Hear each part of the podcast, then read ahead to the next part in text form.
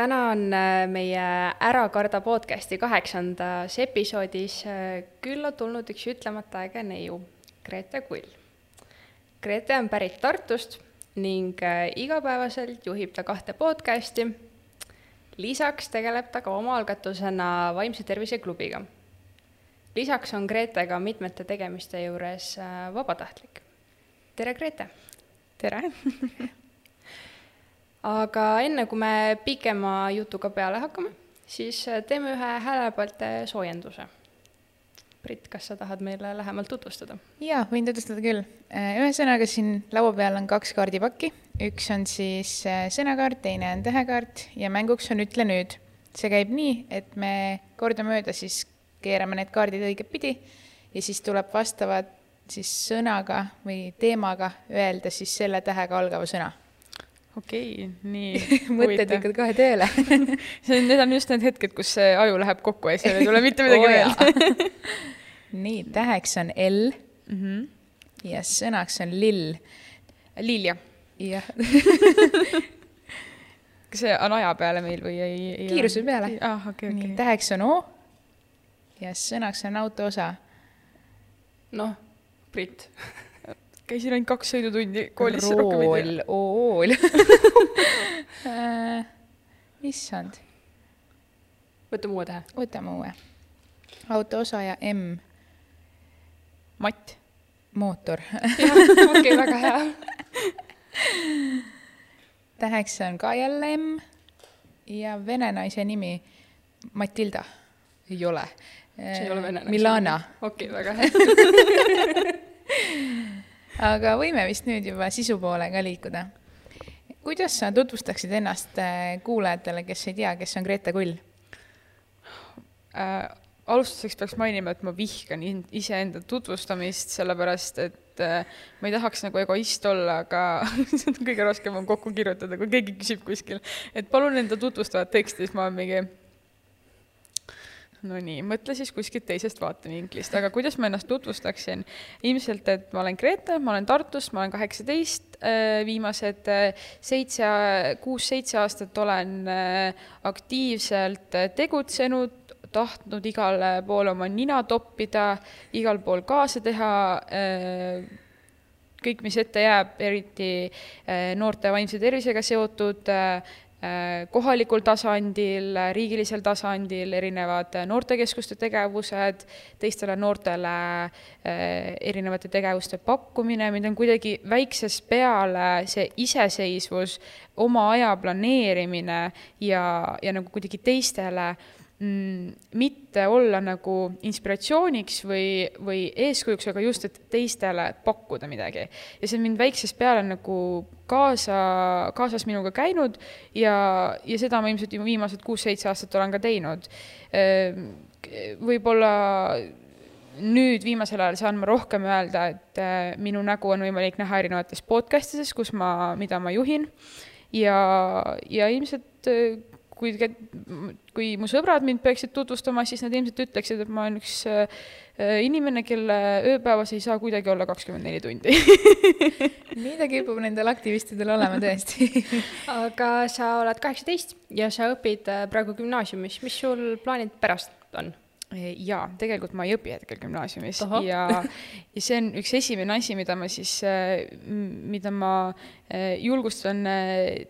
tei-, nagu noh, mida ma julgustan ka teistele, et, et kui sa ikkagi tunned, et hetkel ei ole sinu aeg, siis see on okei okay., sa ei pea gümnaasiumisse minema, sa võid minna kutsekooli, sa võid võtta vaheaasta. mina olen hetkel vaheaastal, sellepärast et äh, ma olen ühe aasta gümnaasiumis käinud ja ma ütlen, see oli üks kõige ägedamaid kogemusi üldse, aga samas oli see ka üks kõige raskemaid katsumusi just tervise poole pealt, sest minu vaimne tervis andis äh, täiesti otsad sellega, sest minu jaoks ei olnud nii-öelda see keskkond kõige parem aga, aga hetkel oma vaheaastaga ma olen väga palju enda jaoks saavutanud, ma olen iseennast arendanud, ma olen äh, paika pannud oma fookused, oma mõtted, kuhu edasi ja kui siit küsida edasi, mis on mu tulevikuplaanid, kuhu edasi, siis äh, esimene plaan on äh, kindlasti tegeleda iseendaga ja jõuda sellesse kohta, kus ma tunnen ennast hästi ja ma olen valmis äh, uuesti võtma ette ka koolid ja sest ma tean, et seda ma teha tahan. Ja, ja suured plaanid on, olgu selleks siis kas algklassi õpetaja või siis midagi, mis ühesõnaga on seotud laste ja noortega täiega äge, ma olen täiega selle poolt, et, et alati ei pea nagu tegema ja. nii, nagu ühiskonnamustrid ette ja näevad. ma tunnen nagu seda, et, et kui ma kui ma ei oleks seda vaheaastat ilmselt, see ei ole see, et, et ma oleks nüüd mingi loll või midagi, et ma ei taha koolis käia, ilmselgelt ma tahan, aga aga kindlasti esimene asi on tervis, ükskõik mis, kool on ainult väike osa meie elust, inimene õpib terve elu, ka mitte koolis olles igapäevaelus, on ju, et et üks asi, mida ma tunnen, et kui ma ei oleks seda vaheaastat ilmselt võtnud, siis äh, ma ei teeks täna neid asju. Ja, ja nagu ma olen praegu piisavalt noor ja samas juba vaikselt liigun sinna nagu vanaduse poole, on ju, et, et nagu mitte küll solvanguna nüüd, kes kuulavad ja kes on nagu vanemad, aga minu jaoks isiklikult on see nagu niimoodi, et, et praegu on õige aeg teha neid nagu tegusid, et ennast, endast märk maha jätta ja, ja kooli saab alati tagasi minna, nagu alati, sa lõpetad ülikooli, sa võtad võib-olla viisteist aastat vahet ja siis sa oled nagu, nüüd ma tahaks minna magistrisse, on ju. sa saad alati tagasi minna, selles ei ole üldse küsimust ja gümnaasiumiga samamoodi, et äh, ma arvan, et see on just väga hea otsus, sest ma saan teha neid asju, mis mul päriselt paneb silma särama, nende käigus ma õpin nii palju uusi asju, ma õpin nii mõnusaid asju, ma teen seda, mida ma tahan, mul ei ole mingit pinget, ma saan tegeleda oma tervisega, ilma et ma peaksin, ma ei tea, kuhu suunda mõtlema või et ma arvan, et see on praegu kõige olulisem. äge, äge, ma tunnen ennast väga vanana nüüd. ei sama teema on sellega, et ei pea kohe peale gümnaasiumi lõppu ülikooli minema. et mul on hästi palju sõbrannasid viimasel ajal, kes ongi öelnud, et ma olen, õpin, aga see ei ole see, mida ma tahan, siis ma olengi öelnud, et aga nagu miks sa vastu tahtmist õpid, et tule ära, leia, tee tööd, vaata, mis sulle meeldib ja mine siis õppima. absoluutselt, ma ise oleks peaaegu vähe aasta võtnud, aga siis äh, ikkagi noh, võta näpust, äh, võeti ülikooli ja ma sain sisse niisugusele erialale, mis oli nagu, ma ei saa ära öelda neile. jah, täpselt sama seis. Aga mina tean sind tegelikult äh, heast eeskujust, siis kui ma kakskümmend 20 jah, kaks tuhat kakskümmend olin projektijuht ja sina olid äh, üks äh, nominentidest ähm,. tead sa tagantjärgi, kes sind esitas ka? jah ähm, ja mis sa arvad äh,, miks miks sa meile žüriina silma jäid või, või mis sind teistest kuidagi eristas? ma nagu võib-olla ma korra lähen tagasi selle juurde, et kes mind esitas, miks ma võib-olla talle silma jäin, äh, et ta mind üldse esitaks sinna, äh, vaatamata kõigele, mida ma olen elus kogenud ja milliseid raskusi ma olen läbi elanud ja milliseid raskusi ma siiamaani läbi elan, on ilmselt ta pannud tähele, et ükskõik mis, ma suudan alati äh, alati mingi lahenduse kuskilt välja tuua, vahet ei ole, kas mul on endal raske, ma suudan alati ka teiste jaoks olemas olla ja ja võib-olla tema jaoks ma jäingi silma sellega, et ükskõik mis, mitte ükski asi mind takistada ei saa, ma olen valmis nagu kõik väljakutsed vastu võtma ähm,. jällegi, see on see nii-öelda egoistlik küsimus, on ju, et, et mis sa arvad, miks sa meile silma jäid, no ma ikka tahaks arvata, et et ma kuidagimoodi ja ikka nagu oma tegevusega silma jäin, aga mul tegelikult ei ole õrna aimugi, sest ma, kui ma sain teada, et ta mind esitas nominendiks, ta ütles seda mulle enne, kui äh, kui see kiri välja saadeti, et äh, sa oled üks nominentidest ja lõpuks oled, olid äh, finalist, siis ähm, siis ma olin küll mingi, et miks mind peaks üldse valima nagu mis asja nagu, kõik väga tore, et mind juba nagu, äh, mind üllatas juba see, et mind lihtsalt esitati sinna konkursile, et, et võib-olla nagu ma tegelikult ei oska öelda, jah. ei, tegelikult sa jäidki meile silma just selle poolest, et sa nii palju nagu tegid enda ajaga ja noh ähm,. ma jõuan kohe küsimuseni ka, aga, aga minu arust äh, see Grete, keda me nägime siis äh, kaks tuhat äh, kahe tuhande kahekümnendal aastal ja keda me näeme nüüd, on täiesti kaks erinevat inimest, sest sa oled nagu noh, mis selle eesmärk osaliselt ongi, ongi ju see, et tegelikult äh, nii palju edasi arendada ennast mm -hmm. ja mhm. nagu kuidagi anda noortele lihtsalt see võimalus, et näidata, et noh, mis minu moto oli ka sel hetkel, oligi see, et noored tegelikult loovad juba ise täna oma tulevikku et nad ei ole lihtsalt tuleviku tegijad, on ju aga kas sa ise ka tunned, et sa said sellest midagi juurde või pigem see oli lihtsalt niisugune täiega tore, et keegi nägi, et ma pingutan? no esiteks kindlasti, et väga tore, et keegi üldse nägi, et ma teen ja pingutan ja et, ja et ma päriselt siis ilmselt lähen kellelegi korda, mu tegevus läheb ilmselt kellelegi korda, aga võib-olla, võib-olla see nagu ma tean, ma vahepeal arvan, et inimesed, äh, kui nad ikkagi sisestavad endale midagi, olgu selleks siis kas negatiivne või positiivne asi, ja kui sa sellesse kinni jääd, siis sa hakkadki seda arvama, on ju. ehk siis ma arvan, et äh, see e-, hea eeskuju konkurss ja see võimalus äh, seal nii-öelda, et mind, minu nimega välja öeldi, et ilmselt see andis selle positiivse tõuke, et ma jäin sellesse kinni, et okei okay,, ma olen hea eeskuju, ma olen järelikult midagi hästi teinud ja ma lähen edasi ja ma teen veel suuremalt ja veel ägedamalt ja ma arvan, et see on see, mis, mis see mulle nagu andis, et selle kindluse, et nagu ma olen siia, siiamaani olen midagi hästi teinud ja nüüd ma saan veel suuremalt ja nii veel ägedamalt nagu edasi minna. et ilmselt see on nagu äh, üks selline kõige ägeda asi, muidugi äge tiitel ka on ju, lähed kellelegi, kas sa tead, ma olen hea eeskuju kaks tuhat kakskümmend finalist. Mm. Nii. Et selles mõttes äh,, aga ei, ma arvan, et äh,, et vahet ei ole ju, kas sa oled lõppude lõpuks laureaat või sa oled äh, nii-öelda finalist, et võitjat ju selles mõttes nagu ei ole, on nagu raske tegelikult välja kuulutada või nagu kuidas sa, kuidas sa ütled, et üks on justkui võitja, sest ta on hea eeskuju ja siis teised ei ole nagu võitjad, on ju, et ma arvan, et et kõik, kes on kunagi üldse esitatud sinna, kes on kunagi olnud äh, finalistid, kes on laureaadid, nad kõik on ära teinud esiteks väga suure töö, teiseks äh, nad on seda võitu ja seda nagu nime väga-väga väärt ja,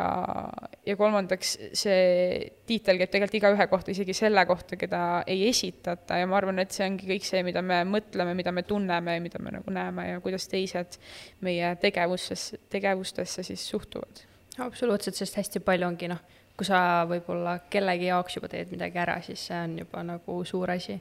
jah jätkates sinu nii-öelda seda ägedat elukäiku, siis sa juhid hetkel kahte podcast'i. Mis podcast'id need on ja kuidas sa sinna üldse sattusid mm -hmm.? okei okay,, alustame siis esimesest podcast'ist, et äh, kui ma olin äh, mm, see oli ka kaks tuhat kakskümmend, siis see oli vist äh, ma tegin oma algatusena suvel Äh, sõbrannaga, äh, Lohviga äh, podcast'i. ma olen koroona ajal ilmselgelt kokku ei saanud, me pläkutasime kogu aeg ühe sarja üle nende voice message itega seal Messengeris. ja siis üks hetk ma olin nagu, et meil nagu jookseb järjest mingi kümme rida mõlemal, lihtsalt kümme rida, kümme rida, kümme rida, siis ma nagu okei okay,, okei okay,, okei okay.. ja siis ma olin talle üks hetk, kuule kirjutame projekti ja teeme pro-, nagu teeme podcast'i, omaalgatus podcast'i, mis äh, hõlmas äh, seda, et Tartus on võimalus äh, igal noorel üksteist kuni üheksateist kirjutada omaalgatusprojekt, mille rahastus on kakssada viiskümmend eurot, väga hea summa, et alustada ühte väikest mingit tegevust või asja ja selle raames me tegimegi siis äh, sellise äh, ise täiesti podcast'i, me, me saime sellised väiksed need mikrofonid, äh, meil oli selline hästi äge küünlavalgel setup, sest me tahtsime sellist salakavalust. Teha, me tegime neli episoodi selle podcast'i raames, need olid väga ägedad, me ise nautisime ja see on kõige tähtsam. ja siis sealt ma kuidagi nagu, kuidagi järjest nagu jäi kinni, et, et kuidagi tun-, tundsin, et see hääl mil, mis mu sees tuleb, on nüüd minu relv või see, millega mul on võimalus mägesid liigutada. ja siis äh, samal ajal oli ka Tartu Noorsootöö Keskusel äh, raadiosaade, aga kuna ra-, see formaat ja see vanusegrupp oli natuke ümber nii-öelda tehtud, siis raadiosaade enam nii ära ei tasunud ja siis äh, mõeldigi selle peale, et, et teeks podcast'i ja nad otsisid sinna saatejuhti. ja siis ma sattusin ühe noorsootöötajaga kokku trepi peal, ütlesin talle, et kuulge, kui teil tuleb kunagi selline võimalus või keegi küsib, et kas on vaja midagi rääkida kuskil, mina tulen mina tulen, mind ei huvita, mida te ütlete, ma tulen sest mina tahan rääkida. ja, ja, ja nad olid täiega selles mõttes ka nagu, nad olid nõus, et ma oskan rääkida ja mul on seda nagu nii-öelda annet ja siis äh, kui tuli see konkurss välja ja ma selle video seal kuskil samas äh, majas kuskil vetsus aknalaua peal ära tegin, et tere, mina olen Grete, mina olen see ja see ja väga tahaksin olla teie saatejuht. ja kui ma siis selle teavituse sain, et mind valiti selleks saatejuhiks, siis olin ma muidugi uhuu, väga äge, täiega teeme ära, no muidugi esimene kord oli väga suur närv äh, sees ja see podcast, millest ma räägin, on Noorteaken, see on Tartu Noorsootöö Keskuse algatatud podcast ja see räägib siis Tartu noorte vajadustest, muredest, probleemidest, mida nemad kuulda tahavad, aga ilmselgelt see ei ole see, et ainult Tartu noored võivad kuulata, et seda võivad nagu, on ju, kõik kuulata, et me ei saa ju kuidagi Spotify's panna seda limiiti peale, et okei okay,, sina logisid sisse Tallinnas, sina kuulata ei saa. et, et see on, selles mõttes on suunatud nagu eelkõige Tartu inimestele, aga kuulata saavad meid kõik. ja, ja see on nagu hästi äge teekond olnud, sest see oli, me alustasime kunstiklassist äh, samamoodi väikeste mikrofonidega, sest meie tehnikat ei olnud veel jõudnud ja kui me oma stuudiosse saime, siis meil oli selline väga äge pisike stuudio, äh, kolm tooli, laud, äh, lauamikrofonid, uhuu, täiega nunnu. ja, ja ma, kui ma nüüd olen tagasi vaadanud ajas, see on siis kaks aastat põhiliselt teinud, siis kahe aasta jooksul teha selline areng äh, rääkimises äh, podcast'is on ikka no ma ei tea, nagu sa ütlesid enne, et see, kes oli kaks tuhat kakskümmend ja kes on nüüd, need on täiesti erinevad inimesed, ma olen nõus, need on nagu täiesti erinevad inimesed. ma vahepeal mõtlen nagu, et okei okay,, et aga kuidas, kas te nagu, ma ei tea, kas ma esitan nagu küsimuse ja kuulaja saab ka selle peale mõelda, et aga kas te olete nagu mõelnud selle peale, et et kui sa mõtled, mõelge käis umbes kaks aastat tagasi ajas, siis kuidas on nagu see areng toimunud, et justkui oleks nagu iga päev elanud ühte sama elu, teinud kõiki samu asju, on ju, teinud oma koosolekuid, käinud tööl, koolis, on ju, kõik on täpselt sama. aga mingil hetkel on toimunud kuskil mingi areng ja sa ei ole enam üldse see inimene, kes sa olid vanasti, kuidas on see võimalik nagu kui sa nagu, minul on selline tunne nagu kaks tuhat kakskümmend oli alles eile põhimõtteliselt, on ju, et nagu kuidas on võimalik nagu kahe aastaga, mis tundub alguses väga suur aeg, aga samas on kõige nagu väga-väga väike aeg, kuidas on võimalik teha selline areng, on ju. et, et ma olen seda nagu tähele pannud ja see on väga veider küsimus ja üldse vastus ja ma ei saa üldse sellele endale ilmselt kunagi vastust, aga aga, aga see podcast on hetkel meil jah, see on selline esimene siis suurem podcast, kus ma nagu olen olnud.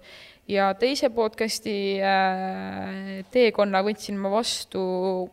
selle aasta äh, märtsis.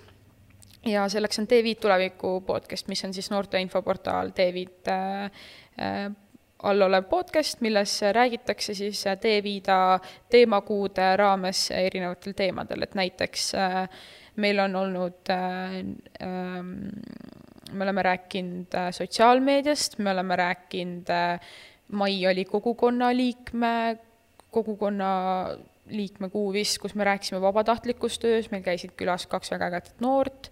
äh, kes äh, üks nendest on olnud nagu välismaal vabatahtlik mitu aastat. Äh, me rääk-, oleme rääkinud seksuaaltervisest ja seksuaalkasvatusest, mis oli minu jaoks üks kõige ägedamaid ja kõige huvitavam podcast, sest ma ei ole kunagi olnud see inimene, kes sellistel teemadel võiks nagu, nagu rääkida või nagu noh ikka selline nagu, et ahaa, okei okay,, noh, jah, keegi ütles sõna seks, on ju, jah, jah, on ju. et aga see oli üks kõige ägedamaid podcast'e ja, ja selle raames ma olen tundnud, ja see on täiesti teistsugune podcast, nagu on Noorteaken. sest äh, üks podcast on selline rohkem nagu omaalgatuslik ja selline nagu väikeses kogukonnas tehtud. teine podcast on ikka selline üleriigiline ja suur ja seal ikka on taga on nagu mingid nagu suured asjad, on ju, tähtsad ninad. et äh,, et need on need kaks peamist podcast'i, mida ma juhin ja ma arvan, et äh, nendeni jõudmine ongi olnud äh, puhas juhus tegelikult, sest ma ei, ma isegi, ma ei, meil vist tehti üleskutse, et, et otsitakse ka saatejuhti, siis ma olin mingi, et ei noh, kui vaja on, siis ma tulen, ja siis nad olid nagu, jaa, sobib, teeme nii, ja siis ma olin nagu, okei okay,, selge, siis, siis on nii, ma siis tulen. et äh,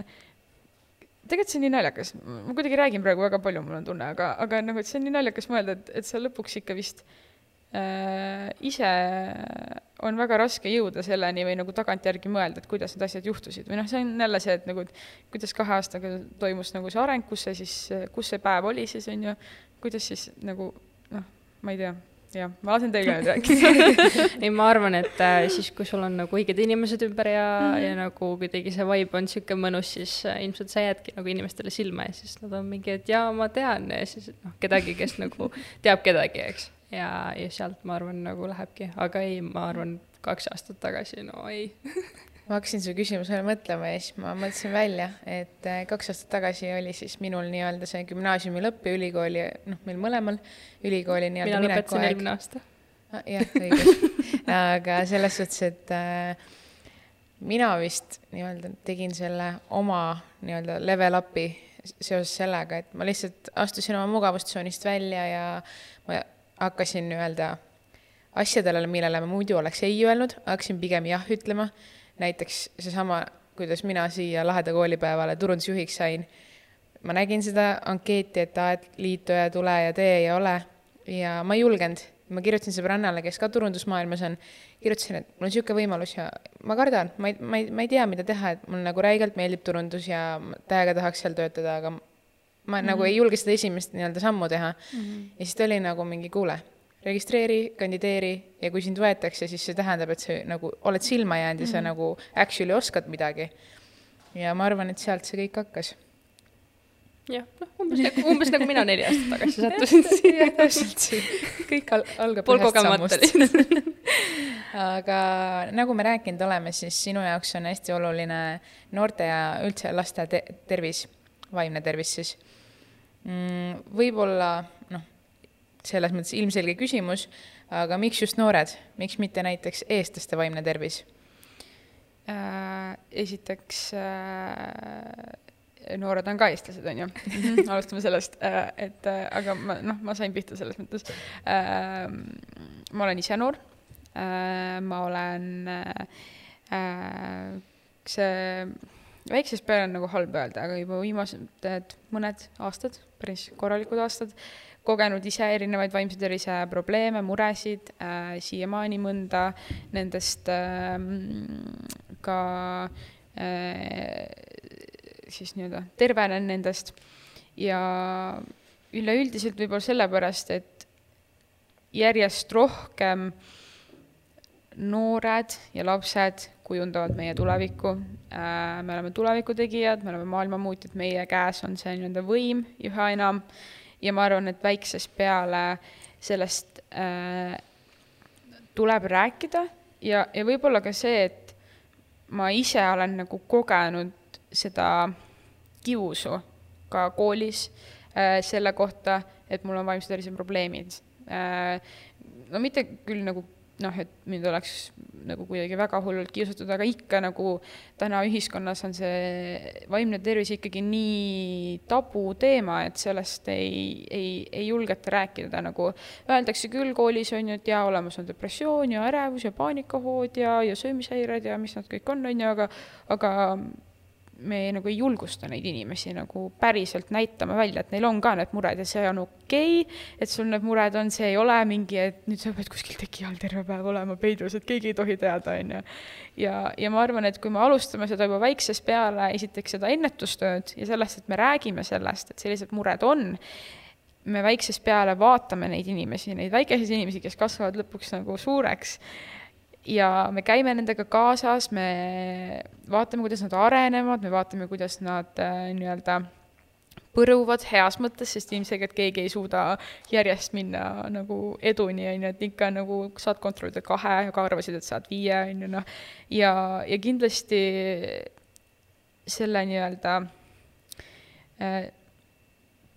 tabu siis nii-öelda muutmine selleks, et see ei ole enam see, et me ei või sellest rääkida, sellest peab rääkima, sellest tulebki rääkida, sest see on nii tähtis teema, sest olgem ausad äh,, väga hea näide ilmselt, äh, mida väga paljud on Instagramis näinud äh,, kui inimene kukub jalakipsi äh,, siis äh, on nagu noh, näha, tal on füüsiline tervis on katki, tal on jalg, jalaluu murd, on ju, jalg on kipsis äh,, tuleb hüpata karkudega, aga kui inimesel on depressioon, siis seda ei ole mitte kuskil kirjas, võib-olla on see enesevigastamise näol, ta keha peal, võib-olla on see äh,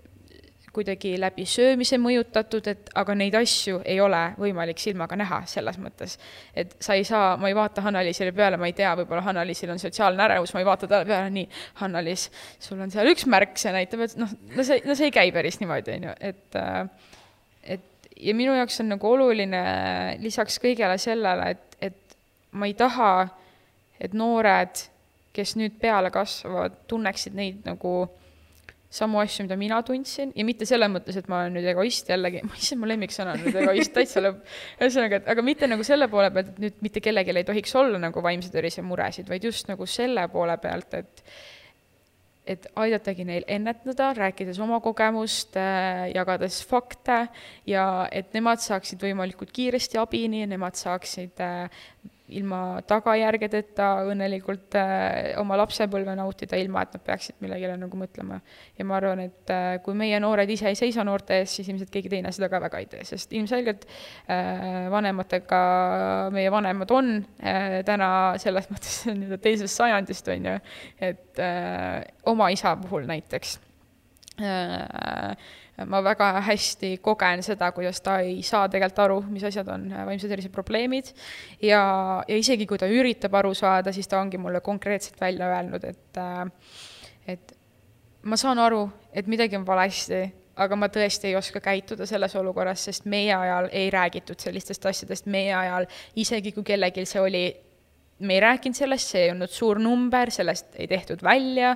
kõik läksid oma eludega edasi, mängisid põllul, on ju bla, bla, blablabla, ma olen nõus äh,, täna väga palju mõjutab meid sotsiaalmeedia, kõik sellised asjad, tema ajal seda ei olnud. Äh,,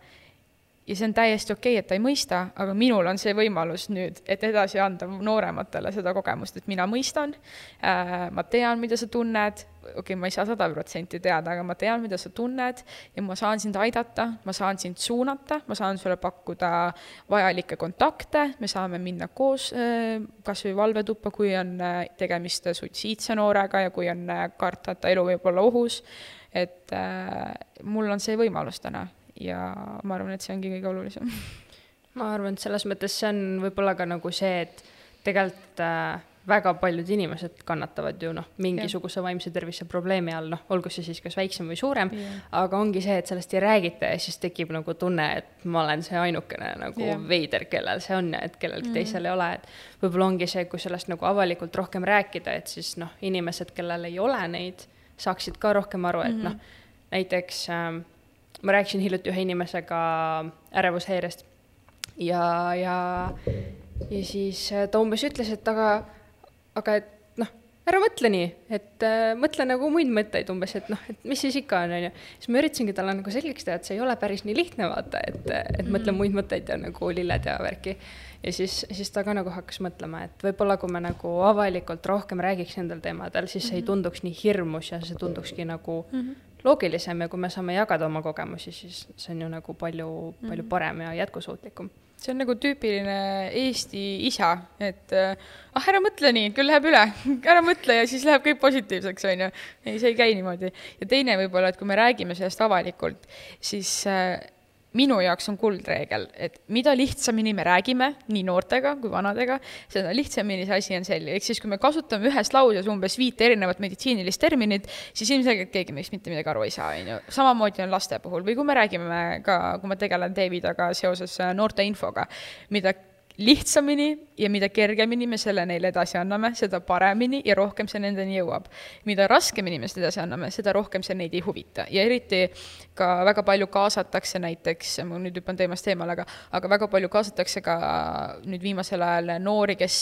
ongi siis kuidagi kõrvale jäetud, on ju, riskirühmas noored, tõrjutud noored, nendega samamoodi mida lihtsamini sa nendega räägid, seda lihtsamini nad on ka huvitatud sinust, kui sa lähed noore juurde, kes on harjunud, ma ei tea, kuskil äh, Tartus turu taga, Tallinnas ilmselt kuskil Virus või mis teil need kohad on, on ju, chill ima, siis ja kui sa ütled talle umbes mingi, ma ei tea, mis äh, keerulise lause, on ju, et akadeemiliselt tuleb sul võtta blablabla bla, bla, bla, see ja ma ei tea, mida kõike veel, siis ta lihtsalt vaatab sind sellise nagu, et mine ära, mis sa teed siin, nagu ma ei taha sind kuulata, aga kui sa lähed tema juurde ja ütled selle lause nagu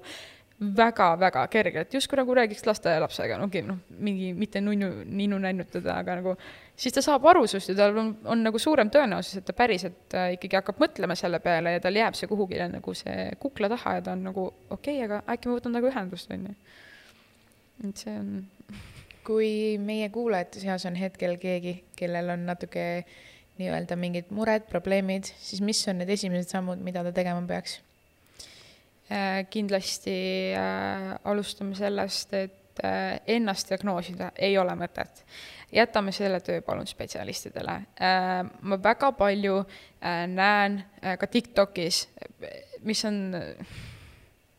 jah, ühesõnaga ma väga palju näen ka TikTokis inimesi või noori, kes justkui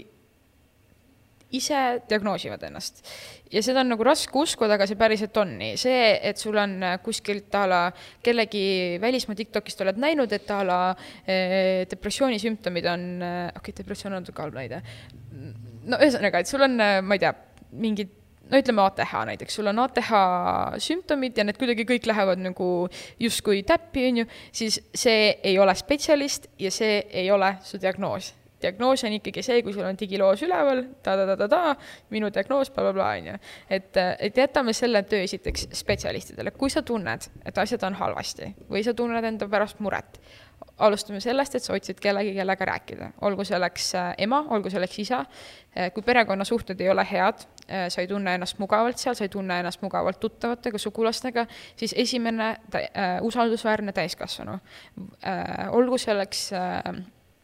siis äh, õpetaja, olgu selleks koolipsühholoog, äh, kooli sotsiaaltöötaja, olgu selleks äh, trennika-, mitte trennikaaslane, vaid treener, olgu selleks noorsootöötaja, ükskõik kes, keda sa usaldad ja keda sa tunned. et temaga on sul hea ja temaga on su saladus või noh, mure hoitud nii-öelda. ja kindlasti ka see, et mm, muidugi on tore, kui sa saad oma sõbrannat usaldada või sõpra ja sa saad temaga oma asjadest rääkida, aga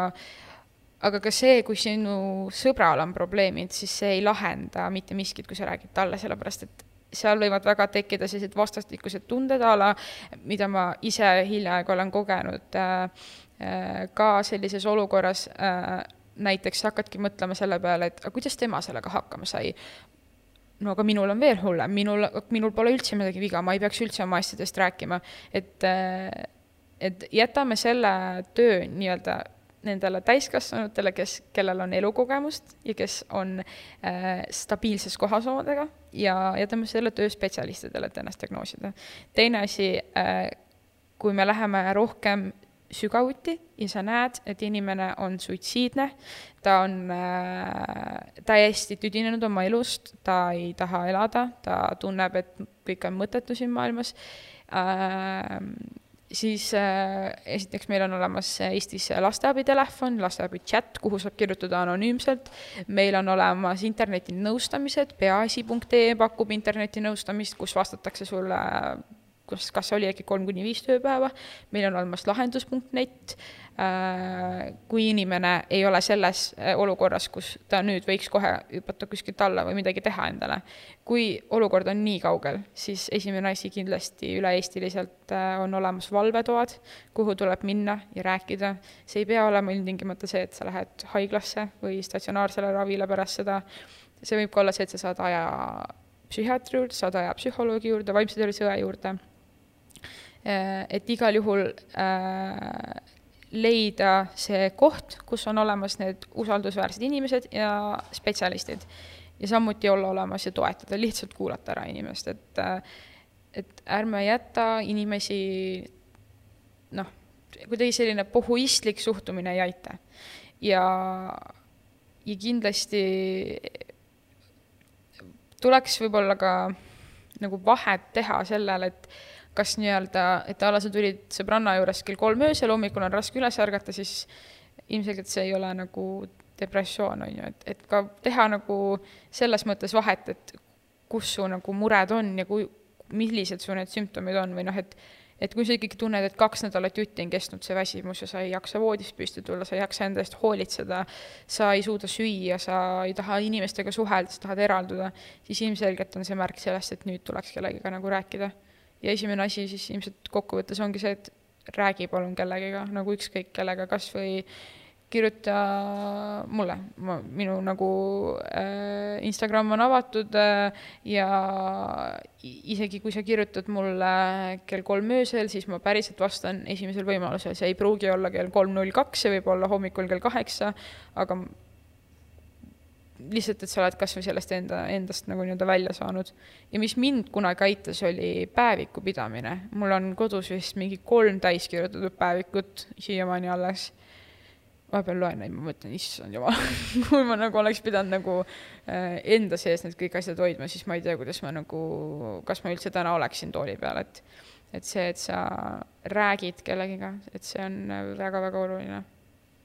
aga arvad sa, et ähm kas see läheb pigem nagu paremaks, sellest vaimsest tervisest rääkimine niisiis nagu riiklikul tasandil, sest ma hiljaaegu kuulsin äh, ühte hirmuäratavalt väikest numbrit äh, psühholoogide juurde, mis on määratud siis ühe perearsti kohta.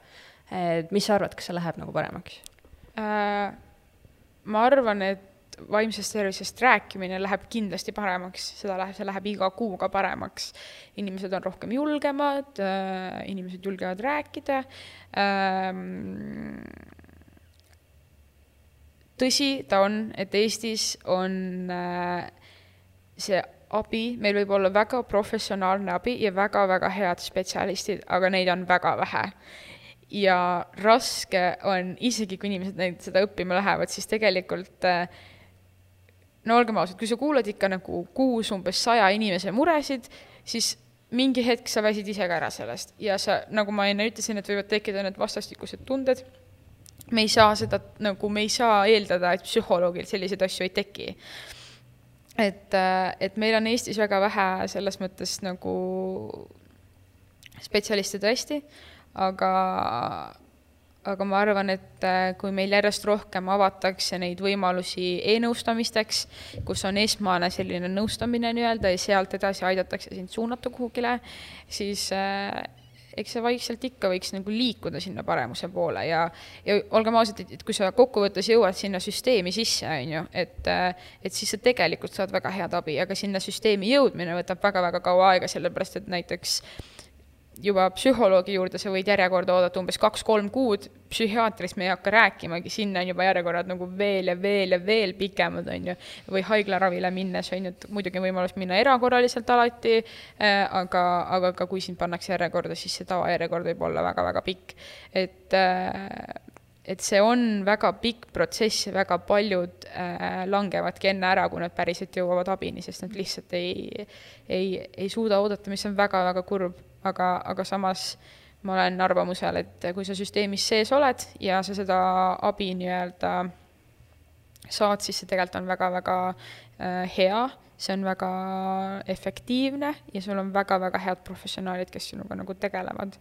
et äh, jah, kokkuvõttes äh, ma arvan, et me läheme järjest rohkem paremuse poole ja, ja ma loodan, et äh, umbes viie aastaga me oleme teinud väga-väga suure arenguhüppe Eestis äh, äh, just ka spetsialistide näol, et me suudame ära teenindada enamus inimesi, kes seal järjekorras nagu on ja kes, kes, kes vajavad seda aega kiiremini, kui nad, kui seda neile täna nagu pakutakse. et aga alati on selline nagu ehku peale väljaminek, et omast kogemusest võin öelda, et kui mina äh, alustasin, alustasin jah, kui mina, kui mul olid äh, väga tugevad probleemid äh, söömisega, kui algas minu äh, söömishäire, siis esimene aeg söömishäirete psühhiaatri juurde oli üheksas august ja me helistasime mais. ehk siis mai, juuni, juuli, august, neli kuud põhimõtteliselt. Aga, aga mul vedas sellega, et mu perearst helistas, ma olin täpselt perearsti juures siis. Ja mu perearst küsis, et ega ei ole juhuslikult mitte ühtegi teist aega mitte kellegi teise juurde ja siis ta oli, et vot, aga selle spetsialisti juurde just tühistati aeg ära, et kas te tahate homme kell kümme tulla? ja see esimene sõna oli jah, me tuleme et, et ka vahepeal on äh, seda nii-öelda ehku peale minekut tegelikult ja, ja mida ka vahepeal toonitatakse, et helistage kas või vahepeal, öeldage, küsige, kes on nagu varasemat aega pakkuda, kas keegi on oma aja ära tühistanud, on ju. et, äh, et ka seda kindlasti proovida, et ärge nagu kartke, et kui teil on aeg, on ju, kuue kuu pärast, siis te võite vahepeal ikka helistada, küsida, et et sooviks aega panna ja kui keegi pakub varasemat aega, võtke see, tühistage eelmine ära, on ju, et selles mõttes see on igati okei okay,, et te saate nagu varasema aja, sest äh, mida kiiremini, seda siis nii-öelda parem sul on äh, tegelikult omaalgatus äh, Vaimse Tervise klubi ka mm. -hmm. kuidas see alguse sai ja mis selle eesmärk on mm? -hmm. vaimse tervise klubi sai alguse iseendast, sest mina tunnen, et äh, mm, mina kolm-neli aastat tagasi kolm, neli, viis, kuus, noh, midagi sellist, kui minu probleemid süvenesid äh,, oleks tahtnud samasugust asja, minu väike Grete oleks tahtnud samasuguses kohas käia äh,. vaimse tervise klubi eesmärk on pakkuda noortele organiseeritud äh, loomingulist tegevust ja pakkuda neile seda tuge, pakkuda neile seda turvalist paika, kus nad saavad olla nemad ise, nad ei pea kartma, keegi neid ei judge'i, keegi neid mingi hukka pilguga ei vaata, ole sa, kes sa tahad olla. Äh, kui sa oled erineva seksuaalse orientatsiooniga, mis on Eestis väga-väga tabuteema hetkel, sa tunned, et sa ei taha kellegiga rääkida, sul on halb päev, sa tahad lihtsalt istuda seal, kõik on oodatud, sa tunned, et äh, sa oled äh, väga halvas seisus, tule, sa oled väga heas seisus, tule, kõik, nagu kõik inimesed võtame vastu ja me pakume iga siis nii-öelda, iga grupp või iga siis klubi, kui meil see toimub, on erinev tegevus. Äh, selleks äh, nii-öelda alustame uuesti ilmselt oktoobris ja esimene selline pilootprojekt näitas, et see tegelikult oli väga-väga edukas, noored vajasid seda, noored tahtsid seda ja nad tundsid ennast ka päriselt hästi seal, ehk siis ma suutsin luua eesmärkidele vastava nagu vaibi ja oleku sinna. ja, ja need tegevused võivad väga lihtsad olla, üks päev me lihtsalt, ma lasin välja printida kilpkonna pildi ja me värvisime kilpkonni. no kõige random tegevus, mida teha, aga usu mind, kodus sa selle peale ei tule. Nagu kui sul on ikkagi väga halb päev, siis sa ei tule selle peale kodus, et okei okay,, nüüd ma tahaks kilpkonna värvida. aga näed, ma pakun seda võimalust, tule, istu seal poolteist tundi, värvime kilpkonna, sa ei pea värvima kilpkonna, sa võid seda lihtsalt vaadata ja siis mingi põrnitseda seda, on ju, see on okei okay,, see on okei okay,, see on nagu, see on täiega fine, et äh, et lihtsalt väga lihtsaid tegevusi ja samas anda noortele võimalust äh, ka tasuta osaleda erinevatel tegevustel, et sa ei pea selle huviringi eest maksma. ilmselgelt see oleks minust väga inetu, kui ma küsiksin vaimse tervise klubi eest, mis pakub, annab võimaluse noortele olla nagu keskkonnas, kus neil on hea olla, raha, sest sellisel juhul ju tekib see küsimus, et ma pean selle eest maksma, et mul on hea olla, siis noh, see noh, see ei käi nagu kuidagi kooskõlla. Et, et see võimalus, et nad saavad sinna tulla, mul on olemas vahendid, mul on olemas materjalid, tule, ole, naudi, kui sa tahad ise midagi algatada, palun, väga hea, vaba ruum on olemas, inimesed on olemas, tule, tee, et see võimalus anda ka neile seda hüppeplatvormi, et see ei ole ainult seotud nii-öelda vaimse tervisega, vaid et sa, kui sa tunned, et sa tahad projekti kirjutada, davai, teeme, ma aitan sind, kirjutame, ma aitan sul juhendada seda projekti, on ju, ma aitan sulle nõuannet, nagu sa tahad nõuandeid saada, on ju, et äh, sa tahad mingit küsimust küsida, super, teeme, sa tahad minuga rääkida, teeme, saab, ikka saab, noh, et et lihtsalt, et neil on olemas see koht, kuhu nad vajadusel saavad tulla ja nad saavad seal midagi teha. ja, ja nagu ka esimene pilootprojekt näitas, siis see on olnud väga-väga edukas ja see on olnud väga-väga vajalik, sest noorte tagasiside on olnudki selline, et kui seda klubi ei oleks sellel kevadel nüüd olnud, siis ilmselgelt ma ei oleks kodust välja saanud. ehk siis isegi, et ta ei läinud kooli, ta tuli sinna ja tal oli kindel rutiin, ta ärkas hommikul ülesse, okei okay,, kooli ei jõudnud, kooli võiks ka kunagi jõuda, aga noh, kooli ei jõudnud seekord, aga ta tuli sinna, sest ta teadis, et tal on seal hea olla ja ta saab seal rääkida. ta saab öelda, et ta ei jõudnud kooli, ilma et keegi talle hakkaks ütlema mingi, et mis mõttes sa ei jõudnud kooli ja ma ei tea, mida iganes, on ju, muidugi noh, et ikka suunad natuke, on ju, et okei okay,, täna ei jõudnud, proovime homme uuesti, on ju, aga, aga see, et tal tekib see rutiin ja ta teab, et tal on kindel koht, kuhu minna, kui tal ei ole nagu nädalas muud tegevust et see on vist nagu kõige olulisem. Ja kui üks noor juba ütleb mulle, et tema jaoks oli see nagu suur-suur nagu abi või nagu suur-suur edasiminek, et ta julges tulla sellisesse kohta, tal oli hea olla, teised inimesed olid toredad, ta sai uusi sõpru, no siis on minu päev täidetud selles mõttes, sest juba kui üks inimene ütleb mulle nagu äh, et tal oli hea, siis ma ei tea, mida ma elult nagu rohkem tahan, et, et selles mõttes nagu jah aga minnes nüüd, noh, me oleme päris pikalt siin vaimsest tervisest rääkinud, äh, lähme tagasi hea eeskuju juurde. Äh, sinu avaldusest sai lugeda, et äh, kui sa endale eesmärgi võtad, siis maksku, mis maksab, aga selle sa täidad. ja oled alati oma tegemistega, tegemistel siis südamega asja juures. kust selleks motivatsioon tuleb? see on hea küsimus, sest ma pole kunagi aru saanud motivatsioonist enda puhul äh,. vahepeal on vaja seda nii-öelda igavat, seda meeldetuletust, et Grete, sa pead selle nüüd ära tegema ja sa oled nagu okei okay,, hakkad tegema ja siis sa saad aru, kui väga sa seda naudid ja siis on juba kõik hästi, on ju.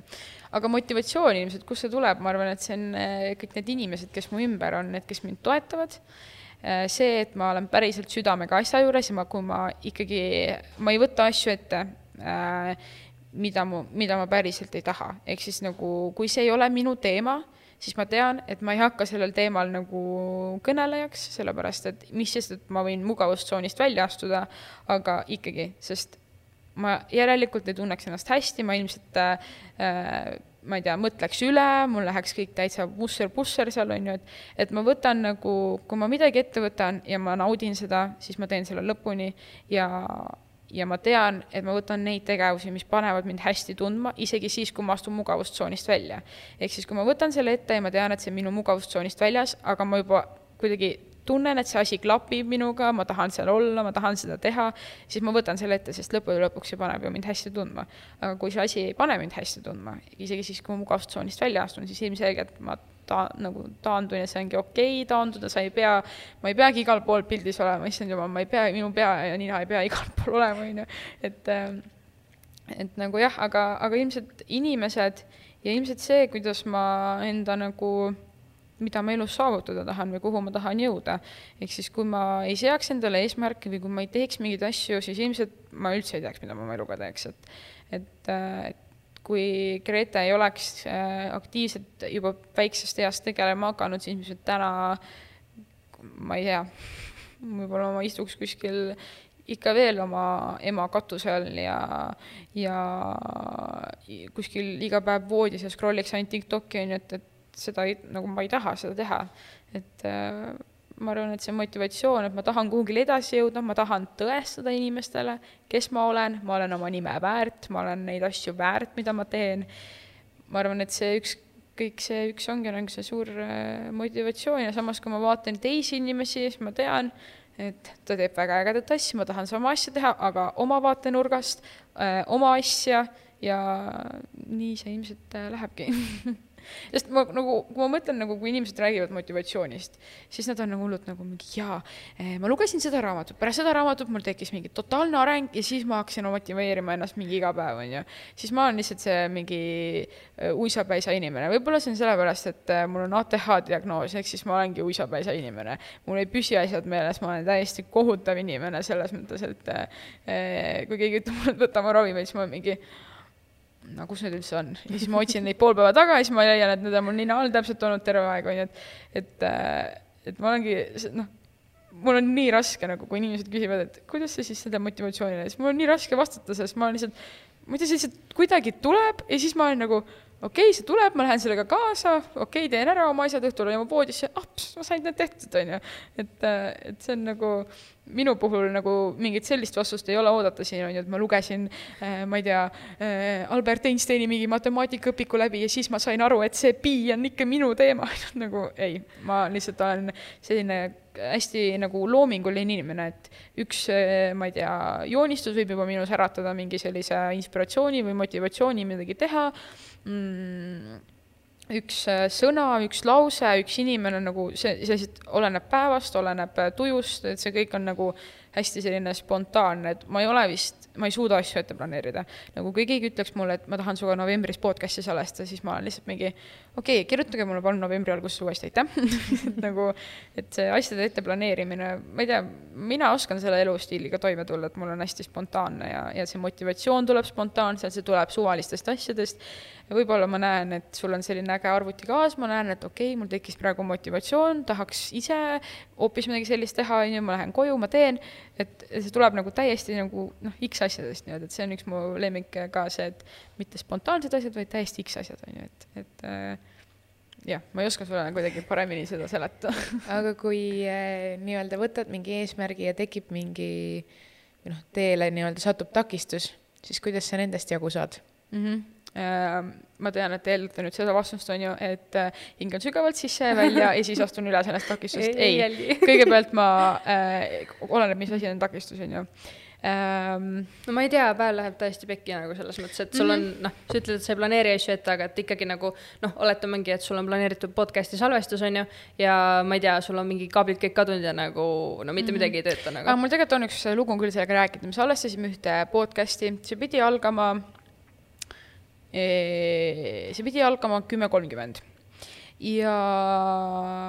buss pidi Tartust tulema kell kaheksa, on ju, kaks pool tundi sõidad Tallinn, Tartust Tallinnasse.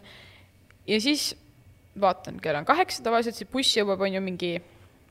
viisteist minutit enne, kümme minutit enne see luks, on ju. ja siis vaatan, bussi ei ole okei okay,, kümne minuti pärast ka bussi ei ole, ma olen nagu eh, okei okay,, vaatan, ootan veel viis minutit, siis on kaheksa viisteist, siis ju nagu veel jõuab, on ju. vaatan, no mida ei ole, on buss ja siis tuleb teavitus, buss hilineb kolmkümmend minutit, ehk siis buss sõitis Tartust lõpuks välja kaheksa viiskümmend, mul pidi podcast olema kümme kolmkümmend. ilmselgelt ma ei jõua kolmekümne või no viiekümne minutilise hilinemisega nagu kümne kolme, nagu kümme kolmekümneks siia nagu salvestama. ja siis ma olin hullult paanikas, ma olin seal bussijaamas, pisarad voolisid, kirjutan oma sellele inimesele nagu tšau Kersti, kuule, ma ei tea, mis saab, on ju, et nagu nüüd on natuke halvasti, et nagu no ei saa.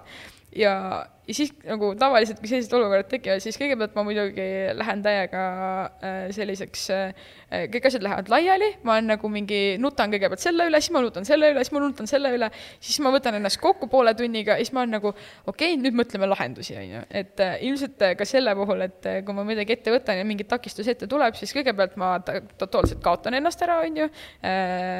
ma paanitsen, nutan, ma juba jõuan kõigile kirjutada, mu elu on läbi, see nüüd, kus ma saan pahandada, nüüd on kõik halvasti bla,, blablabla, on ju. ja siis, ja siis, kui ma olen nagu selle nii-öelda nagu muretsemise nii-öelda kõrvale jätnud ja ma olen lõpuks nagu selles kohas, et no aga mis me teeme siis, see ei ole minu probleem, et bussi ei ole, ma ei saa endale tellida erabussi nüüd nii kiiresti, on ju, ja tulla, on ju. et eh, nüüd tuleb lahendus välja mõelda, et kirjutan ja küsin siis, kas me saame külalistega leppida uue aja kokku, on ju, et kas nad saavad. tol hetkel see väga hästi õnnetus, õnnestus, sest külalised said ka hiljem tulla, mis oli väga suurepärane uudis mm ja siis ma ilmselt otsin selle lahenduse ja siis ma lähen oma eluga edasi, on ju. et aga ma arvan, et see on üks kõige naljakamaid asju üldse, et tagantjärgi sa mõtled kogu aeg selle peale, et nagu no nii jabur asi, mille peale nutta on ju, et bussi ei tule. et minu, see ei ole minu probleem, aga ikka, kui see olukord Jah. kätte tuleb, sa oled mingi raudselt minu pärast seda bussi tulnud, raudselt ma ostsin liiga viimasel hetkel selle pileti, okei okay,, ja mida ma nüüd teen, et nagu mm, aga jah, ilmselt ma niimoodi oma asjadest jagu saangi, et ma paanitsen ja kirjutan kõigile, et kui, kui nõme kõik on ja kõik on nii halvasti ja siis, kui see asi lõpuks möödas on, siis ma olen mingi, et pff, nii väike asi, et nagu andke veel suuremaid asju mulle tee peale ette, on ju, et et mul sellist äh, rutiini ei ole, aga kui me räägime võib-olla nagu vaimse tervise poole pealt, et kui ma tunnen, et ma olen näiteks liikumas sinnapoole, et äh, jõuda sellesse äh, stabiilsesse kohta endaga ja sinna ette tuleb mingi väga-väga suur tagasilangus, siis äh, vot sellest ei saa niisama üle, et sa lihtsalt nutad pool tundi ja siis lähed on ju eluga edasi äh,. sellisel juhul äh, ma kindlasti räägin usaldusväärse täiskasvanuga inimesega, kellega ma ennast hästi tunnen, kelle, keda ma usaldan, vajadusel kirjutan oma psühholoogile, kui ma tahan, on ju, või ütlen, et näed, nüüd mul oleks hoopis vaja aega, kas me leiame mulle varasema aja, on ju, või midagi sellist. et, et sellisel juhul, kui see on ka vaimse tervisega seotud, siis ei tohiks seda jätta nagu lihtsalt nagu kuidagi noh, selliseks suvaasjaks, on ju, et see võiks olla ikkagi et sa pöördud kellegi poole ja kui sa ise ei jõua sellega tegeleda, et see tagasilangus on nii suur, siis ütlegi sellele täiskasvanule, et, et ma ise ei, ma ise ei suuda, palun aita mind ja usu mind, inimesed on äh, valmis enne su lugu kuulama, su muresid kuulama, kui nad tulevad su matustele ja nad peavad sinuga hüvasti jätma ja mul on selline kogemus olnud, sest äh, just hiljaaegu tagasi ma kaotasin oma sõbra suitsiidile ja ja esimesed nädalad ma tundsin, et ma ei olnud hea sõber, ma olin nagu kohutav sõber, ma ei kuulanud teda piisavalt, kas mina võisin süüdi olla. Ja see oli üks nagu väga-väga suur tagasilangus ka minu jaoks, sest mm, sellel hetkel tekkisidki need mõtted, et kuidas siis tema hakkama sai ja kuidas nagu, kuidas siis kõik teised hakkama saavad ja mina ei saa mitte millegagi elus hakkama ja mina ei suuda seda teha ja aga tema suudab, et aga see on nii loll asi, mille peale mõelda, ei. ja see oli see hetk, kus ma nagu andsin ka märku teistele inimestele, et mul on nüüd väga raske ja ma ei tule ise toime, mul on vaja, et te oleksite mu jaoks olemas. Ja need inimesed olid nagu olemas, nad kuulasid mind, nad kirjutasid, nad küsisid, kuidas mul läheb, nad olid olemas, kui mul oli midagi vaja. Nad tulid ja tegid, nad olid nagu minu kõrval ja, ja see on ilmselt nagu kõige-kõige suurem ja olulisem asi selle juhul, et sa ei, sa ei jää üksinda, ükskõik mis, et kui sul on tagasilangus, sul on see takistus seal ees, isegi kui su takistus on see, et sa pead minema nüüd kooli kontrolltööd tegema ja sa ei suuda seda, siis ükskõik mis, võtta ühendust õpetajaga, keda sa usaldad, isegi kui see õpetaja, sa usaldad hoopis eesti keele õpetajat, aga kontrolltöö on bioloogias, siis võta selle eesti keele õpetajaga ühendust ja ütlegi, et mul on nüüd raske ja kas te saate mind aidata ja õpetajad saavad sind suunata edasi sotsiaaltöötaja või selle sotsiaal, see ei ole sotsiaalõpetaja, noh, see sotsiaalpedagoog. jah, sotsiaalpedagoog täpselt, või psühholoogi juurde või klassijuhataja juurde ja koos on võimalik mu-, nagu välja mõelda neid lahendusi, on ju, et ära palun hakka üksinda mitte midagi tegema ja nagu palun ära, palun ära jää lihtsalt üksinda. ja ka nendel hetkedel, kui on need suvalised asjad, on ju, siis igal juhul ma ka annan sellest kellelegi teada, nagu ma kirjutasingi oma sõbrannale, et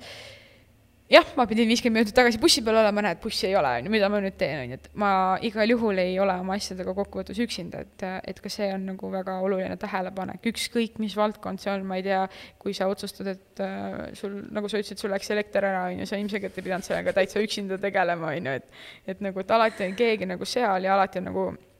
kui sa, noh, ma ei tea, kui ma elaks oma vanemate juures ja mul läheks elekter ära, siis ilmselgelt ma vist ei saaks ilma niimoodi, et ma ei ütleks neile, et nagu kuule, meil läks vahepeal elekter ära kodust, on ju, et sa pead ikka kellegagi nagu rääkima. ja seda nagu ükskõik mis nagu valdkonnas, isegi kui sa oled kolmekümneaastane, sa käid tööl, siis meil kõigil on vaja inimest, kellega nagu rääkida. nii see on jah. aga lähme natuke ka nende projektide juurde mis sa arvad, mis on erinevate projektide nii-öelda juhtimise ja tegemise ja elluviimise juures kõige olulisem? see, et mu silm säraks äh,. nagu ma tunnen, et äh, et kui sa ikka asju teed niimoodi, et sa ei taha neid teha, siis sellel ei ole ju mõtet ja ma arvan, et seda võivad nagu kõik kinnitada äh,. teine asi kindlasti, et see on see teema, mis mulle meeldib, mis mind paneb hästi tundma, milles ma tunnen ennast kindlana või milles ma olen valmis astuma mugavustsoonist välja ja, ja kolmandaks, et see kogemus ja see kogemuste pagas, ma arvan, et ma võin täna väga nagu julgelt öelda, et mina olen väga suure kogemuse pagasiga oma vanuste seas ja väga paljud, kes on nagu minu vanuses või kuskil seal, neil pole õrna aimugi, mida ma nagu olen läbi teinud, mida ma olen kirjutanud, nagu ja see, see on täiesti okei okay,, sest iga inimene ei olegi nagu selline, minule lihtsalt väga meeldib oma nina igale poole toppida, igal pool olla, on ju, aga, aga nagu mul on tänu sellele, et ma olen nii palju erinevaid asju teinud, mul on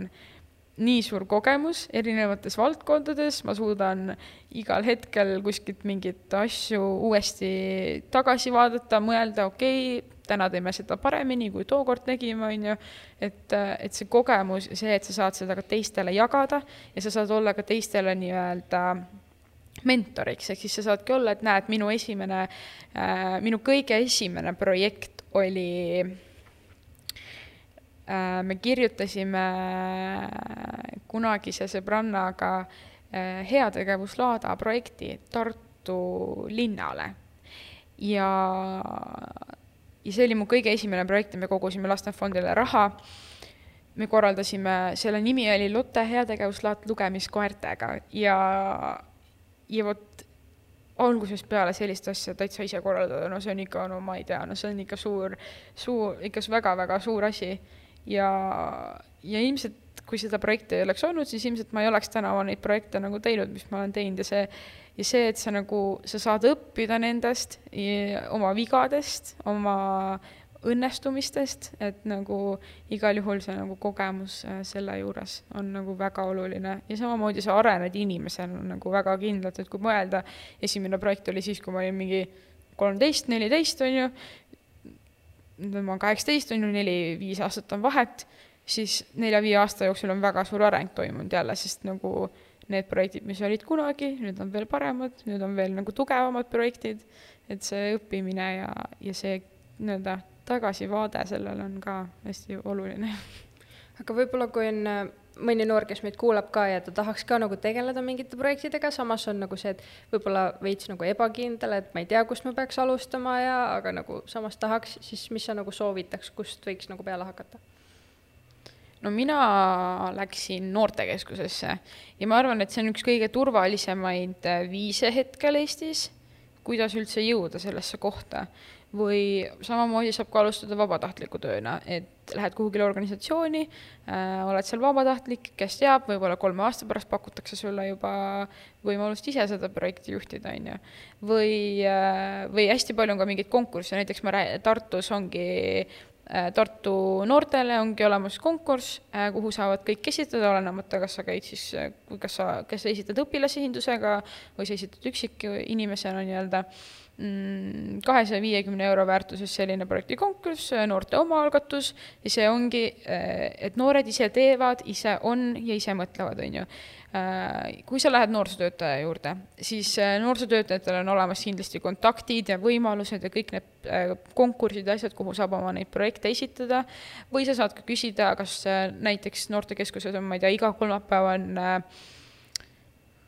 ma ei tea, Coca-klubi ja siis sa küsid, et aga kas ma võin järgmise Coca-klubi läbi viia, on ju, ja see on ka juba omamoodi ju projekt, sest sa pead välja mõtlema, mida sa seal teha tahad, sa pead äh, minema siis kas koos noorsootöötajaga poodi või siis talle nimekirja saatma, on ju, sa pead äh, retseptid välja otsima, on ju, välja printima, kuidas seda teha, sa pead vaatama, mis materjalid sul olemas on, mida sa vajad, on ju, et, et see kõik on juba üks projekt, et nagu ka nendest asjadest võib alustada. Ja, ja ma arvan, et noor, noortekatel on väga hea meel, kui, kui noored ise niimoodi tulevadki, ongi, kuule, aga ma tahaks täna seda Coca-klubi ise teha, et kas nii saab või kas sobib. teeme järgmisel nädalal hoopis, äh, ma ei tea, porgandikeeksi, on ju, et ärme tee muffinit, teeme seda porgandikeeksi, on ju, et et nagu see, kõik on see nagu alguse asi ja see ettevõtmise asi, et sa võtad selle ette, et äh,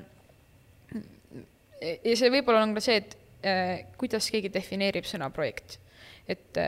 et kas, Hanna-Liis, sinu jaoks on projekt nagu see, et sa oled a la kuskil äh, ERM-is äh,, terve ERM on täis inimesi ja sa kuulad a la, ma ei tea, mingit eda, edaine setit, mille sa oled korraldanud, või sinu jaoks on juba projekt omaette see, et sa teed seda podcast'i, on ju, noh et, et see on kõik nagu see, kuidas inimene ise seda nagu sõna kasutab, on ju,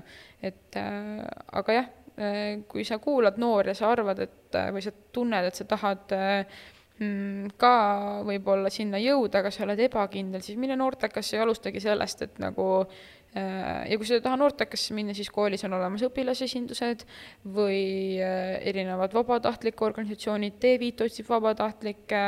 Äh, ma tean, et lahedal koolipäeval on, on ju vabatahtlikud, äh, olin ise ka seal tiimis, aga näed, tervis hüppas alt ära, ei saanud. Äh,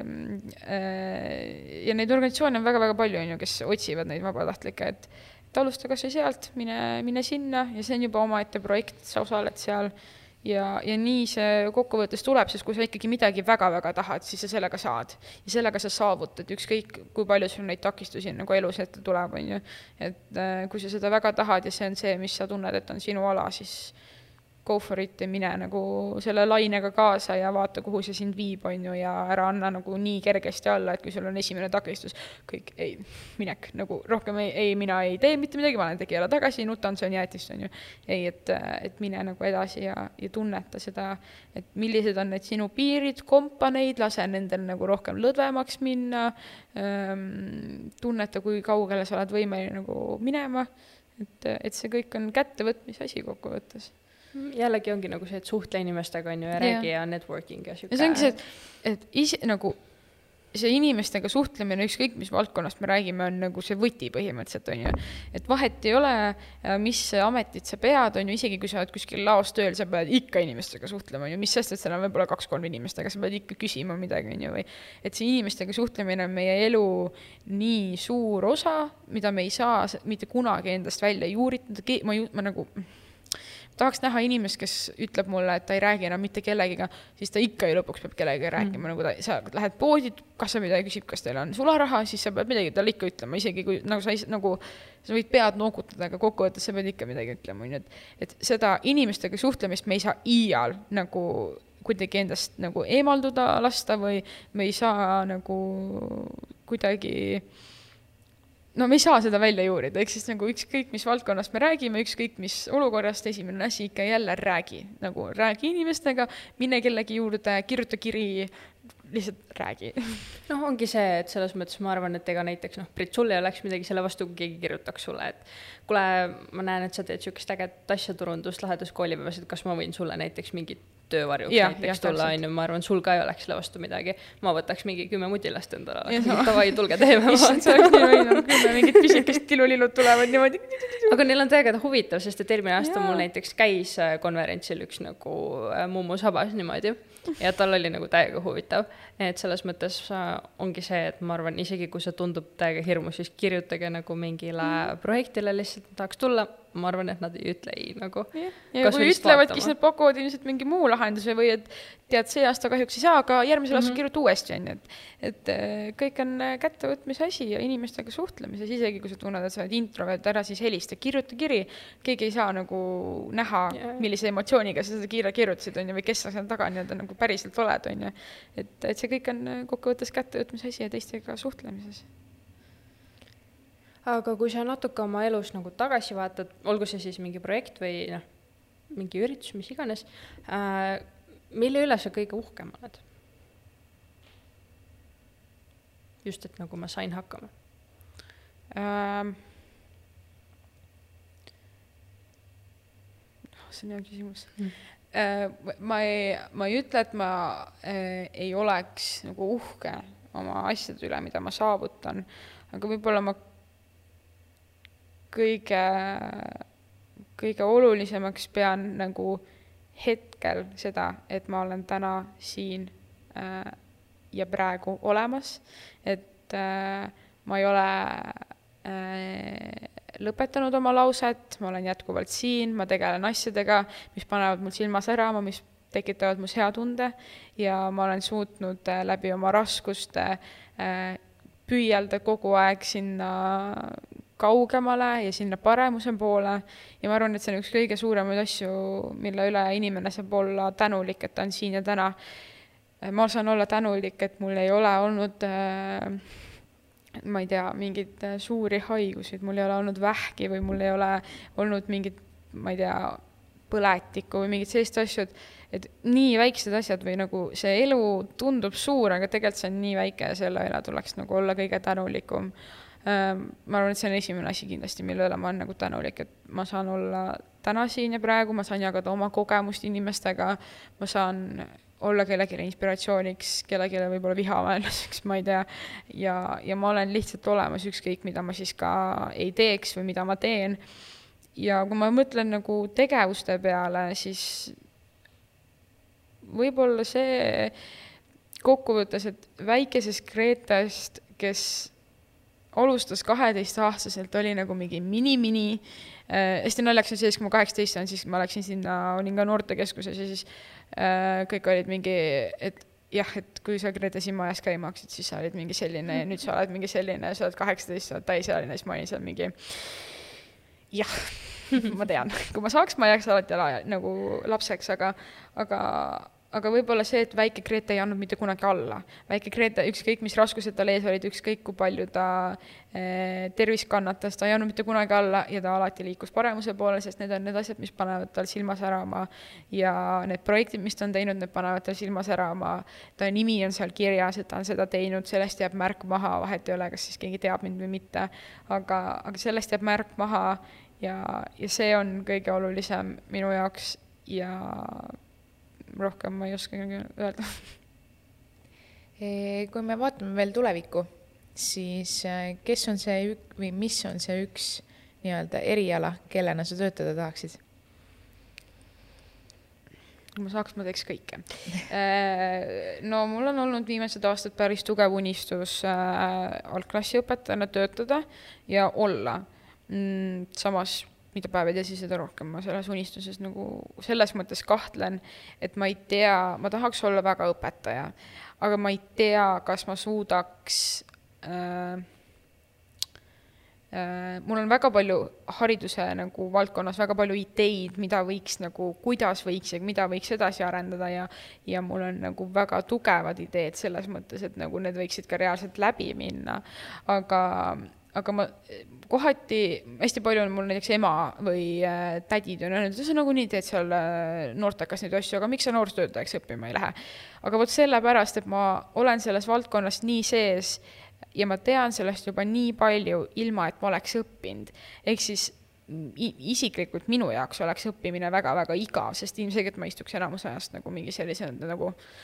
okei okay,, me räägime sellest, ma ju tean seda, ma olen isegi praktikasse olemas, on ju, noh, et, et et muidugi seal on väga palju noh, uusi nišše ja sa saad selle paberi, aga ma ei näe mõtet, et ma peaks ühe paberi pärast äh, nagu ronima, kui ma ei näe ennast lõppude lõpuks ikka selles ametis ja ma juba tunnen, et ma olen piisavalt nagu tugev selles, nagu selles nagu valdkonnas nagu äh, inimesena, et ma tean, mida ma räägin, noh, et et nagu üks asi on ameti puhul, ma arvan, mida noored võiksid ka tähele panna, et et kui see amet nagu, kui sa tead, et see valdkond pakub huvi, aga see amet on selline, et sa justkui nagu tunned, et sa noh, oskad sellest, siis sul ei ole mõtet minna istuma sinna pinki lihtsalt sellepärast, et mingit ülikooli diplom, diplomit saada, on ju. et, et ikkagi nagu minna sellesse suunda, kus sa päriselt tunned, et see amet sind ka nagu huvitab, on ju mm fakt on see, et ma tegelen laste ja noortega ja fakt on see, et äh, see jääb äh, sinna vaimse tervise, hariduse ja noorte nagu vahele, et äh, kõik see nagu teema. Mm, mis see amet täpselt olema saab, ma ei tea. praegu ma tunnen, et mul on olemas oma loengud ja koolitused Äh, mida ma sellise nagu eraisikuna nii-öelda teen, et oma kogemust just nagu jagadagi, sest kogemuslugudel on väga-väga suur väärtus ja mul on neid nagu teadmisi, mida nagu edasi anda. Ähm, ma tunnen, et see amet sobib mulle hetkel, et ma käin nagu rääkimas, ma korraldan erinevaid asju, ma juhin paneeldiskussioone, kui on vaja, äh, teen seda või teen toda või teen sotsiaalmeediat või turundust või noh, et ma teen nagu kõike natukene ja ma saan selles väga hästi hakkama ja ma olen valmis seda ka edasi nagu jagama teiste inimestega. et ähm, kui ma saaks, ma nagu ütlekski võib-olla vastuseks selle, et ma kombineeriks nagu midagi kokku, mida vist ei ole veel nagu olemas. et, äh, et jah, aga selline noh, nagu basic vastus ilmselt olekski nagu algklassi õpetaja või kuidagi nagu, sest nagu kui me rääkisime sellest vaimsest tervisest, siis minu üks nagu väga tugev selline äh, ideaal, mida ma tahan edasi anda, ongi, et, et juba esimesest klassist peale me räägime lastega vaimsest tervisest. Ja see ei pea olema see, et näed, esimese klassi lastele ütled, et nii, kui sa lähed viiendasse klassi, siis tõenäosus, et kuskil selles vanuses võib sul olla depressioon, on väga tugev. no ei, aga vaimne tervis ei ole ju ainult depressioon ja, ja paanikahäired ja mingid nagu probleemid, vaid need võivad olla ka äh, kindel äh, rutiin äh,, hommikul ülesärkamine, söömine, regulaarne liikumine, füüsiline aktiivsus, on ju, et see nii-öelda hea tagatud uni, on ju, et sa magad kaheksa kuni kümme tundi. et, et nendest asjadest juba ka väiksest peale lastega rääkida, mis on nii-nii oluline ja ma näen, et selles kohas on nagu väga palju arenguruumi veel, et ma tahaks nagu arendada asju Eestis nagu edasi rohkem aga ma olen see inimene, ma nüüd, nüüd võin ühe story time'i rääkida. kui keegi ütleb mulle, et äh, palun tee mm, kujundus, kokkuvõttes tulevad ikka väga head kujundused, mulle väga meeldivad oma kujundused, mis ma olen teinud või kui keegi ütleb, et tee sotsiaalmeedia postitused, väga äge, mulle väga meeldib. aga ma olen nagu see inimene, et kui ma näiteks TikTok'e vaatan ja siis, kui mul mingi idee pähe lööb, siis mul on nagu, ma olen täpselt see inimene, kes äh, äh tuleb idee, ma võin selle sulle kõik sõna-sõnalt detailselt edasi rääkida, aga ma ise seda teha ei suuda. nagu mul on vaja kedagi, kes nagu suudab teha neid asju, on ju. ma võin sulle detailselt panna kirja ka terve romaani idee äh, või noh, rääkida sellest, aga sina pead kirjutama, sest mina seda teha ei oska või noh, ma oskan, aga ma ei taha seda teha. sest ma tunnen, et kui see asi läheb selleks, et ma pean seda päriselt tegema hakkama, nagu seda näiteks, ma olengi nüüd oh my god, see on nii hea idee, see, seda, seda raamatut on kindlasti vaja. Ja kui ma hakkan kirjutama, siis ma ei oska, siis ma olen nagu pea tühi, nagu lõppkokkuvõttes ma võib-olla ikka nagu vusserdan, susserdan ennast välja, on ju, aga nagu ei. nii et äh, nii et, äh, et see on selles mõttes päris nagu huvitav, et äh, noh, jah, et ma arvan, et selliseid inimesi on peale minu veel natuke, nii et äh, ameti poolest ka siis võib-olla niimoodi. absoluutselt, visionääre on meil ka vaja ja siis noh, praktikud, kes ellu viivad asjad. aga sa räägid hästi palju sellest, et, ähm, et sa lähed äh, takistustest siis läbi, on sul mingeid hirme ka, mida sa kardad? ma kardan ilmselt nagu üksi jäämist ja üksi jäämist mitte, et mul oleks inimesi ümber, vaid et äh, mind ei panda nagu tähele või mind ei märgata, mis on nagu väga tugevalt mu peas kinni, aga kui rääkida sellistest nagu igapäevastest hirmudest, siis ma tegelikult väga kardan uusi väljakutseid selles mõttes nagu vastu võtta, et et kui ma olen näiteks mingi kok-, kohtumise kokku leppinud, siis mul on nagu väga-väga suur nagu hirm ja ärevus sinna minna. sest ma kardan, ma mõtlen, mu pea mõtleb umbes niimoodi, et sa ütled selle sõna valesti, sa teed seda valesti, sa teed selle valesti, sa lähed valel ajal valesse kohta, mida kõike veel, on ju. aga siis, kui sa kohale jõuad, siis on kõik täiega chill ja pärast ma olen kõigile mingi, oh, see oli kõige ägedam kogemus mu elus üldse, nagu kuidas see võimalik on mm,. ja mulle ei meeldi äh, väga nagu prussakad ja ämblikud ja see on ka selline, noh jah. hoiad eemale. jah. aga on sul mingisugune nagu nipp või, või mingi lüke, mida sa kasutad eh, teadlikult, et kui sa paned tähele, et sa nagu kardad või sul ongi noh, ebameeldiv näiteks mingile kohtumisele minna, sa tunned ennast ebakindlalt, et mis sa, mis sa nagu teed sellega? E, nagu ma ennist mainisin, väga spontaanne inimene, on ju, e, mul ei ole mingit selles mõttes kindlat rutiine, et kui mul jääb bussile, siis ma lihtsalt nutan ja paanitsen, on ju, ja siis ma olen nagu mingi okei okay,, nüüd on nagu fine. aga ilmselt ma, mida ma noortele võiks nagu soovitada, et kõigepealt hinga mitu korda sisse-välja rahulikult, proovi ennast maha rahustada. kui sinu rahustamiseks saab olla nagu Instagrami scroll imine, tee seda, kui sinu rahustamiseks on kellelegi helistamine, tee seda. või midagi üles kirjutamine. ja, ja nagu mõtlegi välja need asjad, miks sa lähed sinna, et kui sa tunned nagu nagu, et kui ma tunnen, et ma, mul on väga raske sinna kohtumisele minna, sest ma kuidagi kardan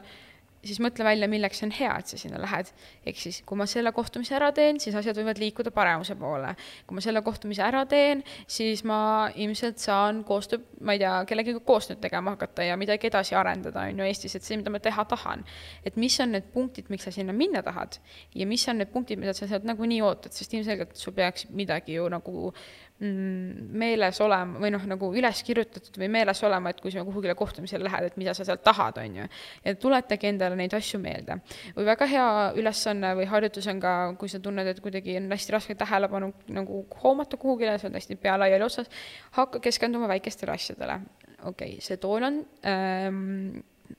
sinakas, aga samas natuke meenutab rohekat, on ju. et mine nagu detailidesse nii-öelda, et äh, või kujuta endale ette, hakka joonistama mingit pilti endale peas, et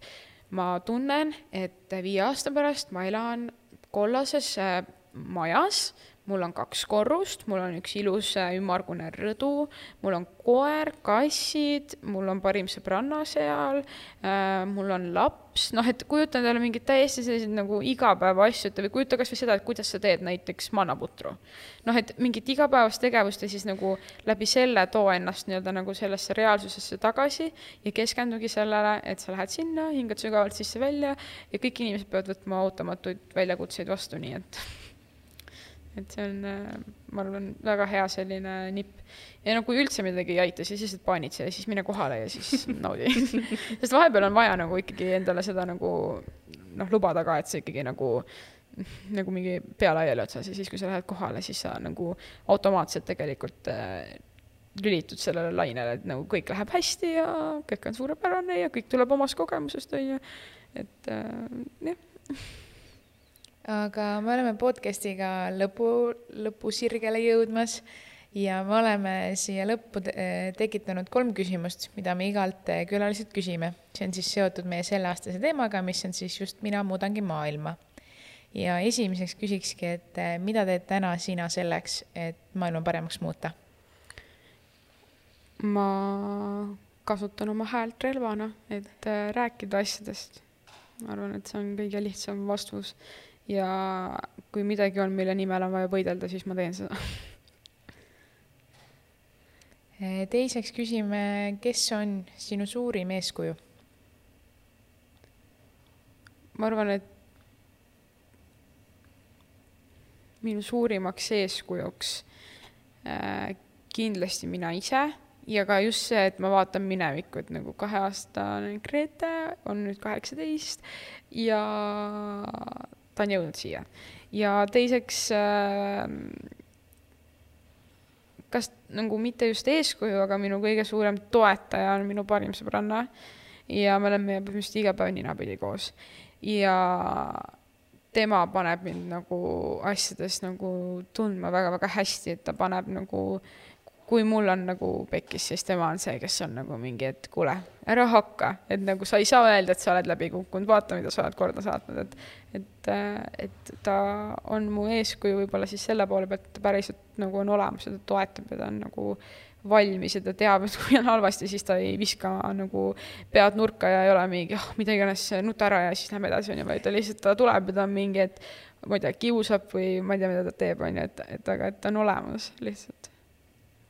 ja kui sa peaks äh, noortele soovitama, olgu see siis äh, podcast, äh, mis iganes Youtube'i kanal, raamat, mis ta, sa soovitaksid neil lugeda või kuulata, vaadata? okei okay,, no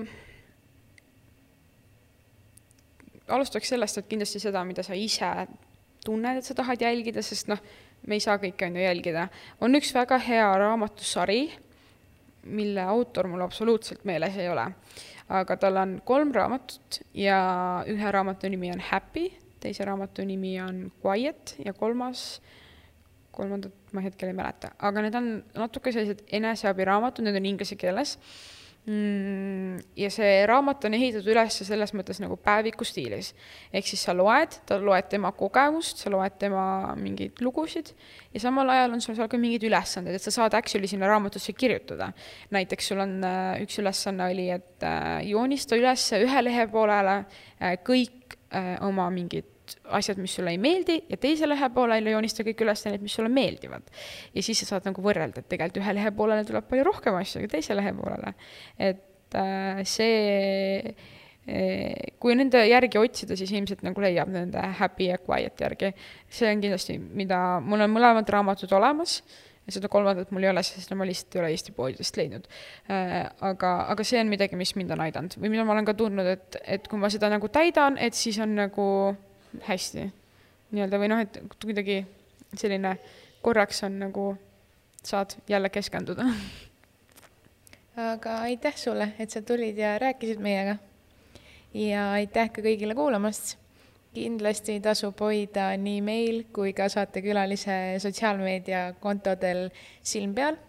ja igat uut järgnevat podcasti osa näeb iga neljapäev